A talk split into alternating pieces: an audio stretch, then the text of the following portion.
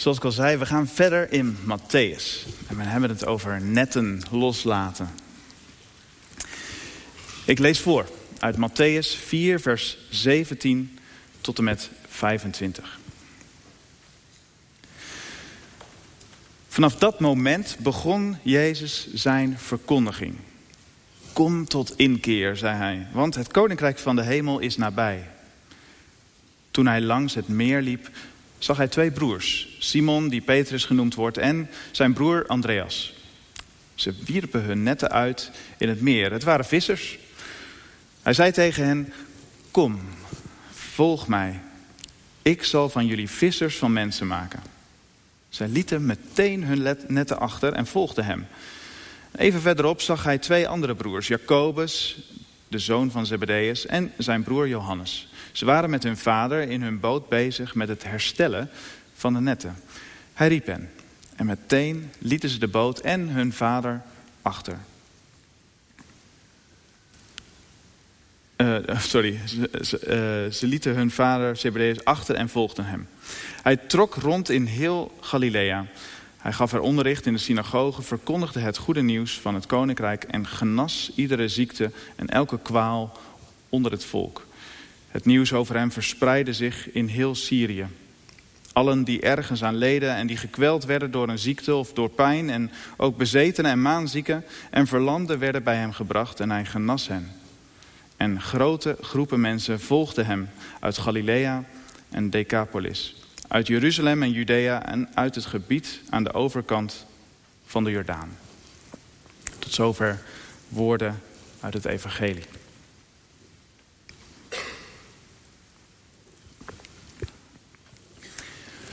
Ieder mens verlangt ernaar om ergens voor te kunnen leven. Ik, we hebben allemaal een diep en een soms onrustig verlangen... om dat wat in ons zit aan, aan talent, aan creativiteit, aan verlangen... om dat tot uiting te brengen. Het internet staat er vol mee. We zoeken ons plekje in, in deze grote wereld. Alsof we een klein puzzelstukje zijn wat precies moet passen. Of anders gezegd, we verlangen ernaar te weten waarvoor we geroepen zijn als mens. We worden aangetrokken ook door, door succesverhalen van sporters, van, van YouTubers of acteurs die hun roeping gevonden lijken te hebben. En we hebben ook bewondering voor zulke mensen. Hè, zoals afgelopen week Peter R. de Vries, die alles voor zijn vak over heeft gehad. Maar we kunnen ook kritisch zijn op onszelf, op ons eigen leven. Of het gevoel hebben dat we juist de boot missen. Dat we niet ons plekje vinden of hebben gevonden. En die gedachte die kan ons verlammen, enerzijds. Dat we stil blijven staan, stil gaan zitten. Of heel onrustig maken. En telkens weer op zoek zijn, weer switchen van opleiding of, uh, of baan. Op zoek zijn naar die plek die speciaal voor ons is. Deze ochtend staan drie woorden van Jezus centraal. Drie woorden uit dit tekstgedeelte. Ze zijn heel kernachtig en eenvoudig, maar ze vatten samen de manier waarop God ons roept. En we zullen zien dat ze op de discipelen, maar ook op ons een grote impact kunnen hebben. Toen en nu nog steeds. Jezus zegt ze in vers 19. Kom Volg mij en ik maak. Het is een, een hartelijke en ook een constante uitnodiging om echt tot je bestemming te komen, tot bloei. Het eerste woord, kom. Het bij zich roepen van Jezus, van zijn discipelen, op dat moment zijn ze nog geen discipelen, maar van de vissers, is een van de eerste dingen die Jezus doet. Het staat aan het begin van Matthäus. Daarna volgt de bergrede, de belangrijkste speech van Jezus. Maar voordat hij begint aan zijn belangrijkste uh, gedeelte van zijn bediening... roept hij de leerlingen. Hij roept hen bij zich. En het is, je leest er zo overheen, maar het is heel opmerkelijk wat Jezus hier doet. Want er waren meer rabbies in die tijd die rondtrokken, die ook leerlingen hadden, die hun leer en hun levensstijl overbrachten op, uh, op jongere en oudere mensen. Maar een belangrijk verschil met hen, en opvallend is, is dat Jezus hen roept. Hij zegt, kom. Want gebruikelijker was namelijk dat het andersom gebeurde. Iemand die vroeg of hij bij een rabbi in de leer mocht.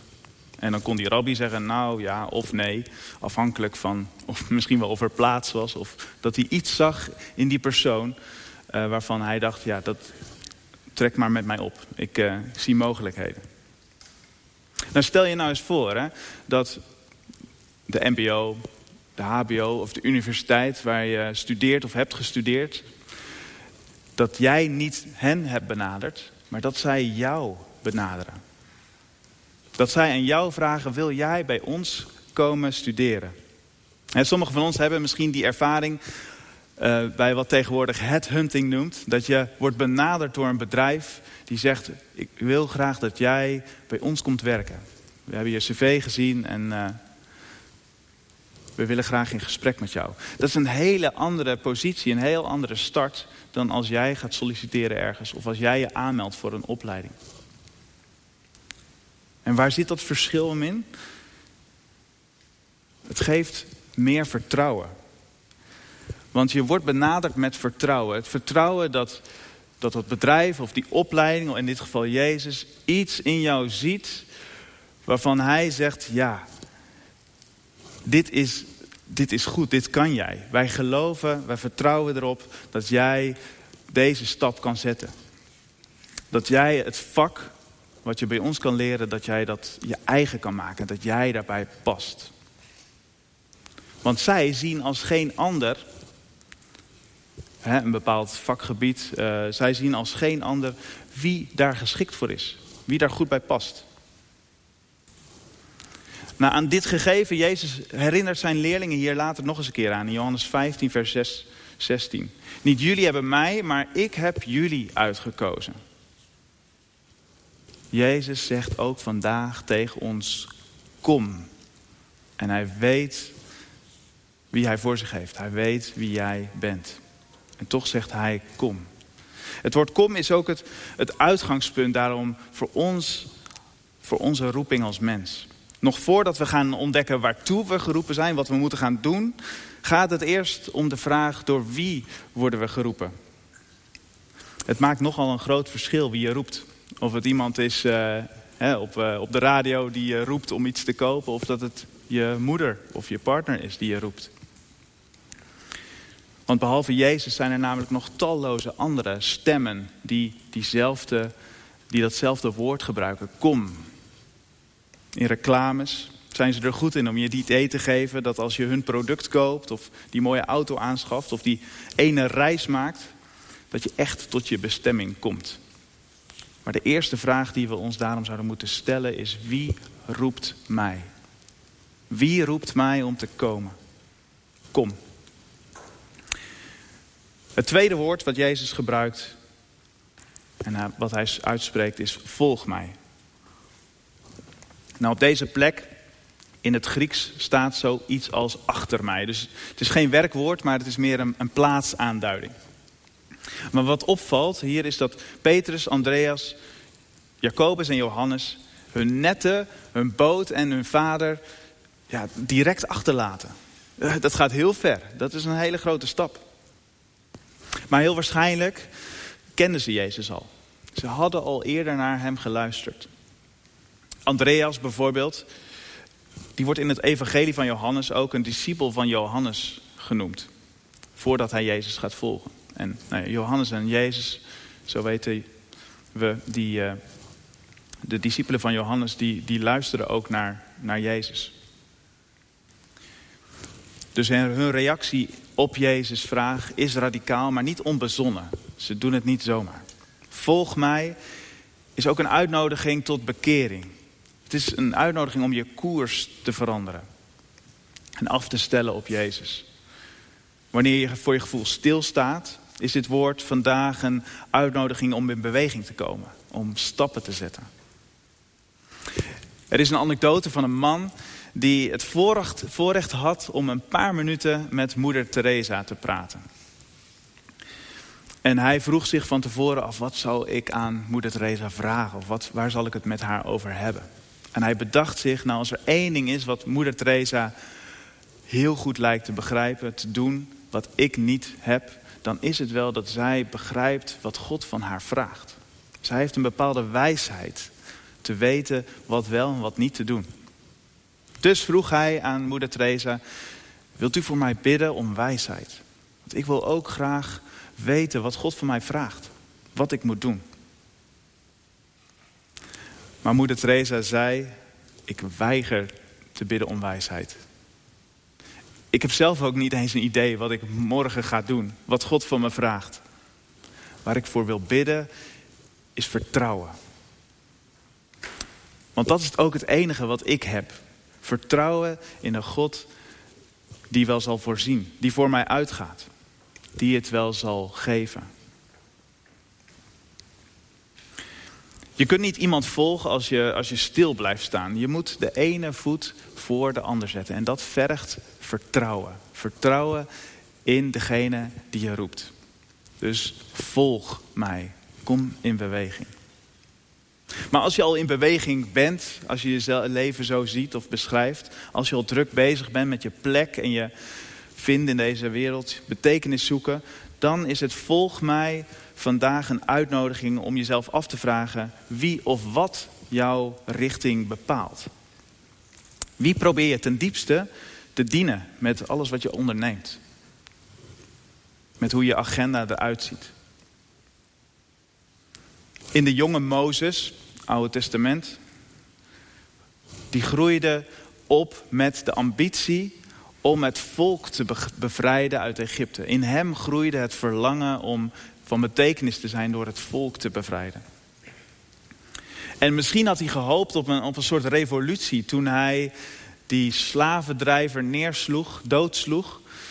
Dat het volk in opstand zou komen en dat ze met z'n allen zich zouden gaan verzetten tegen de Egyptenaren. Maar het tegendeel was waar. Het volk Israël en de Egyptenaren die keerden zich tegen hem en hij moest vluchten. Veertig jaar lang liep hij achter de schapen in de woestijn voor zijn gevoel niks te doen. Totdat hij op 80-jarige leeftijd notabene door God werd geroepen. En in die 40 jaar woestijn waren zijn ambities, zijn, zijn grote verlangen, die waren verdampt. En met, wat, name, wat met name was verdampt was zijn, ja, zijn, uh, zijn zelfvertrouwen daarin. Zijn eerste reactie op, op Gods roeping was dan ook van nee, ik kan het niet. Stuur maar iemand anders. Ik stotter. Maar juist toen vond God hem klaar voor zijn roeping. Misschien ben je net als die jonge Mozes eh, stilgezet door een grotere of een kleinere crisis, misschien wel door corona. En stel jezelf dan de vraag, wie volg ik? Wie dien ik? Oftewel, volg mij. Kom, volg mij en het laatste woord, ik maak. Jezus, die gebruikt hier ja, toch wel een vreemde uitdrukking. Ik zal van jullie vissers van mensen maken. Er zijn uitleggers die, eh, die dan zeggen dat Jezus dit beeld gebruikt... Om, omdat het diepe, donkere water van het meer van Galilea... of de zee, symbool staat voor duistere machten... waaruit de mens gered moet worden. En de tegenspartelende vissen, die, ja, die lijken toch wel op uh, mensen die zich wat moeilijk laten redden. Die tegenstribbelen. Later in Matthäus 13, vers 47, daar vergelijkt Jezus ook een sleepnet met het koninkrijk. Dan zegt hij, eh, het is met het koninkrijk van de hemel ook als met een sleepnet dat in een meer werd geworpen en waaruit allerlei soorten vissen werden gevangen. Je kunt de uitdrukking vissers van mensen ook zien als een manier waarop Jezus nieuwe betekenis geeft aan hun leven. Hij gebruikt hun taal, hun eigen vak, om hen iets uit te leggen van de roeping van God. Stel je zou je eigen vak of je eigen beroep nemen of je eigen opleiding en je zou er van mensen of voor God achter zetten. Zou dat een verschil maken met hoe je naar je vak kijkt? Stel iemand zou dan aan je vragen, wat doe je in het dagelijks leven? En je zou dat zeggen, ik ben docent voor God. Of ik ben ehm, eh, ondernemer van voor mensen, van mensen. Zou dat verschil maken? Wat zo bevrijdend, wat ik zo bevrijdend vind aan dit derde woord, ik maak, is dat Jezus degene is die vormt, die leert, die maakt. Op de momenten dat ik mezelf afvraag, ja, wat moet er van mij terechtkomen? Als ik mezelf tegenval, als ik tekort schiet in het idee wat ik heb bij wat mijn roeping, mijn plek is, dan kan ik mij vasthouden aan deze belofte dat Jezus maakt, dat Jezus vormt. Wat anderen, of misschien ik zelf al, wij zelf al, onszelf, van onszelf denken, dat we zouden moeten worden of waar we naar zouden moeten streven, dat is in wezen niet belangrijk. Het is in wezen belangrijk wat Jezus van ons vindt, wat Hij van ons wil maken. Hoe Hij ons wil vormen. En waar dat op zal uitlopen, wat Hij van betekenis vindt voor zijn koninkrijk, dat is aan Hem. Voor de een is dat misschien een leven lang ja, verborgen, aan, bescheiden aanwezig zijn, trouw zijn ergens in. En voor de ander is dat op de voorgrond treden. Het is aan God om te bepalen wat zijn of haar plek is. En wat goed is. Het is aan hem om, om ons te kneden. En naar zijn bedoeling te vormen. Want in de ogen van de pottenbakker zelf en niet in die van de klei weten is de manier waarop je kunt weten wat het beste is. Het beste in ons omhoog komt. De reactie van die vissers, dat ze hun netten loslaten en Jezus volgen, ehm, is er niet één die je zou moeten begrijpen op de manier van, ja die vissers, dat waren arme lui, die hadden toch niks te verliezen. Als je niks hebt, ja, wat, wat maakt het dan uit als je dat loslaat? En zo moet je niet naar deze mannen kijken. Dat waren ondernemers. Ze hadden flink geïnvesteerd in boten, in netten. Ze waren zeker niet arm voor hun in die tijd. Toch lieten ze dat waar ze flink in hadden geïnvesteerd los. En ze gaven hun zekerheid op inkomen, misschien wel belangrijker, een bepaalde identiteit die ze hadden opgebouwd, lieten ze achter. Nou, maar Lies, jij gaat ook zeker in netten achterlaten hier in Nederland. Er zijn er bepaalde netten die jij, die u eigenlijk zou moeten loslaten. Om Jezus weer een stap verder te kunnen volgen. Vraagt Hij u of jou misschien om bepaalde dingen los te laten. Een bepaalde zekerheid of een bepaalde identiteit waar je aan vasthoudt. Ik noem maar wat, een paar uur, week, uh, paar uur werk in de week. Een contract van 36 of 32 uur die je ruimte kan geven. Of de droom van een groter huis of een nieuwe auto. Als de vier vissers die op dat moment door Jezus geroepen werden, hun netten niet hadden losgelaten, hadden ze wellicht een, een veel makkelijker, onbezorgder en ook veiliger leven gehad dan wat ze nu hebben gehad. Toch zouden ze hun leven hebben verloren, verspild. Scherp gezegd. Zo scherp zegt Jezus het ook. Want ieder die zijn leven wil behouden, die zal het verliezen. Maar wie zijn leven verliest, omwille van mij en het evangelie, zal het behouden. Nou, die drie woorden.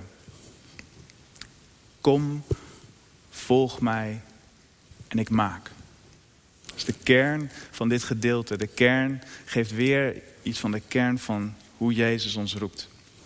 En zoals de vorige keren sluit ik af met een challenge. Twee stuks. De eerste, heel simpel. Onthoud deze drie woorden. Kom, volg mij, ik maak. Kou erop de komende week. Ga eens bij jezelf na. Hoe begrijpen, hoe hoor ik deze? En wat betekent dit in mijn leven? En het tweede is, gebruik vanavond komende week of deze vakantie eens om jezelf de vraag te stellen: welke netten zou ik moeten loslaten? zou goed zijn voor mij om los te laten om de volgende stap te zetten in het volgen van Jezus. Amen.